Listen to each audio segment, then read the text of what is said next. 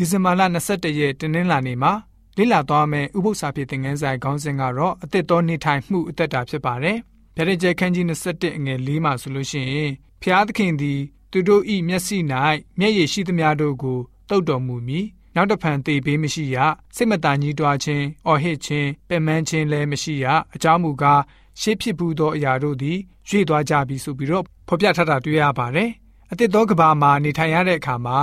အခုကဘာနဲ့ဘယ်လိုမျိုးကွာခြားတယ်လဲအခုမှတော့တေခြင်းနာကျင်ဝမ်းနေခြင်းကြုံနေရတော့လဲပဲအဲ့ဒီအချိန်မှာတော့အဲ့ဒီຢာတွေမရှိတော့ပါဘူးခရစ်ယာန်တူဟာဆိုလို့ရှိရင်သူ့ရဲ့မိတ်ဆွေတယောက်နဲ့ယေရှုရှင်မှာရှိတဲ့မျောလင့်ခြင်းအကြောင်းကိုဝင်ကတက်တည်ခံခဲ့ပါတယ်သူ့ရဲ့မိတ်ဆွေကနေအဲ့ဒီအယူအဆကြီးကိုလုံးလုံးညှင်းဆန်မှုပြုခဲ့ပါတယ်ထာဝရအသက်ရှင်ခြင်းလားအဲ့လိုမျိုးပြောပြီးတော့ပြည့်ရပြုပြောဆိုခဲ့ပါတယ်ဒီမှာအသက်80ကနေ80နေရတာတောင်တော်တော်လေး ဒုက္ခရောက်နေရတာဘယ်သူတွေကများမတည်နိုင်တဲ့ဘဝကိုလိုချင်ပါလဲ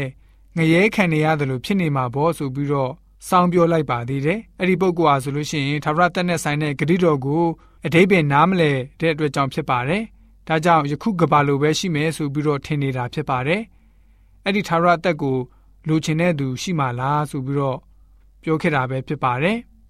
ရှင်မေတရုဩရဇာဒုတိယဆောင်ခန်းကြီး3ငွေ30ကနေ73 ဗျာဒိတ်ကျန်ခန်းကြီး21ငွေ1ကနေ6ကိုဖတ်ပါမယ်။တခိုးသည်ညအခါလာတဲ့ကဲ့သို့ထာဝရဘုရား၏နေ့ရက်သည်လာလိမ့်မည်။ထိုနေ့၌မိုးကောင်းကင်သည်ကြီးစွာသောအတန်နှင့်တကွပျောက်သွားလိမ့်မည်။လောကဓာတ်တို့သည်ပူအားကြီး၍ပြက်ကျလိမ့်မည်။မြေကြီးကိုမှဆ၍မြေကြီးပေါ်မှပြုလုပ်သမျှသောအရာတို့သည်ကျွမ်းလောင်ကြလိမ့်မည်။တို့ဖြစ်၍ဤအရာအလုံးစုံတို့သည်ကုန်စင်မီမှန်သောကြောင့်မိုးကောင်းကင်သည်မီးနှင့်ပြည့်၍လောကဓာတ်တို့သည်ပူအားကြီးလျက်အရေးကြိုခြင်းကိုခံရသောနေ့ဒီဟုသော ဖျားသခင်၏နေ့ရောက်လိမ့်မည်ဟုသင်တို့သည်မျှော်လင့်တောင်းတလျက်တန်ရှင်းသောအကျင့်ကိုကျင့်ခြင်းဖျားဝတ်၌မွေးလျော်ခြင်းအပြင်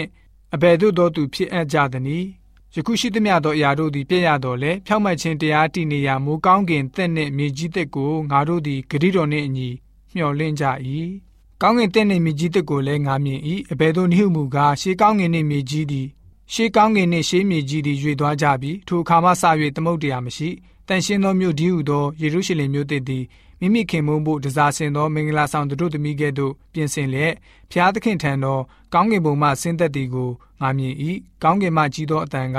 ဖျားသခင်၏တဲတော်သည်လူတို့တွင်ရှိ၏လူတို့နှင့်အတူကျင်းဝတ်တော်မူမည်သူတို့သည်ကိုတော်၏လူဖြစ်ကြလိမ့်မည်ဖျားသခင်သည်ကိုတော်တိုင်သူတို့နှင့်အတူရှိနေ၍သူတို့၏ဖျားသခင်ဖြစ်တော်မူမည်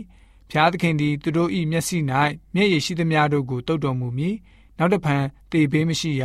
စိတ်မသာညှိတွားခြင်းအော်ဟစ်ခြင်းပင်ပန်းခြင်းလည်းမရှိရအကြောင်းမူကားရှေးဖြစ်ပူသောအရာတို့သည်ရွေသွားကြပြီ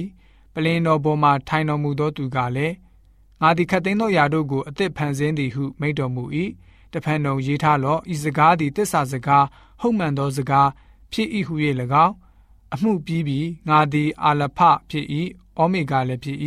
အစနှင့်အဆုံးလည်းဖြစ်၏ရင်ငတ်သောသူအားအသက်ဆန်းရည်ကိုအဖုံးမြူပဲ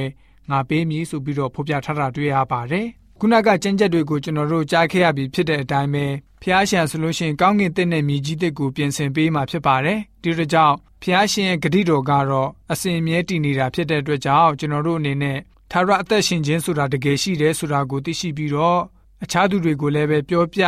ဝေငှတဲ့ယုံကြည်သူတွေဖြစ်စေဖို့အတွက်တနင်္လာနေ့ဥပုသ္စာဖြစ်တဲ့ငန်းစာကဖော်ပြထားပါတယ်။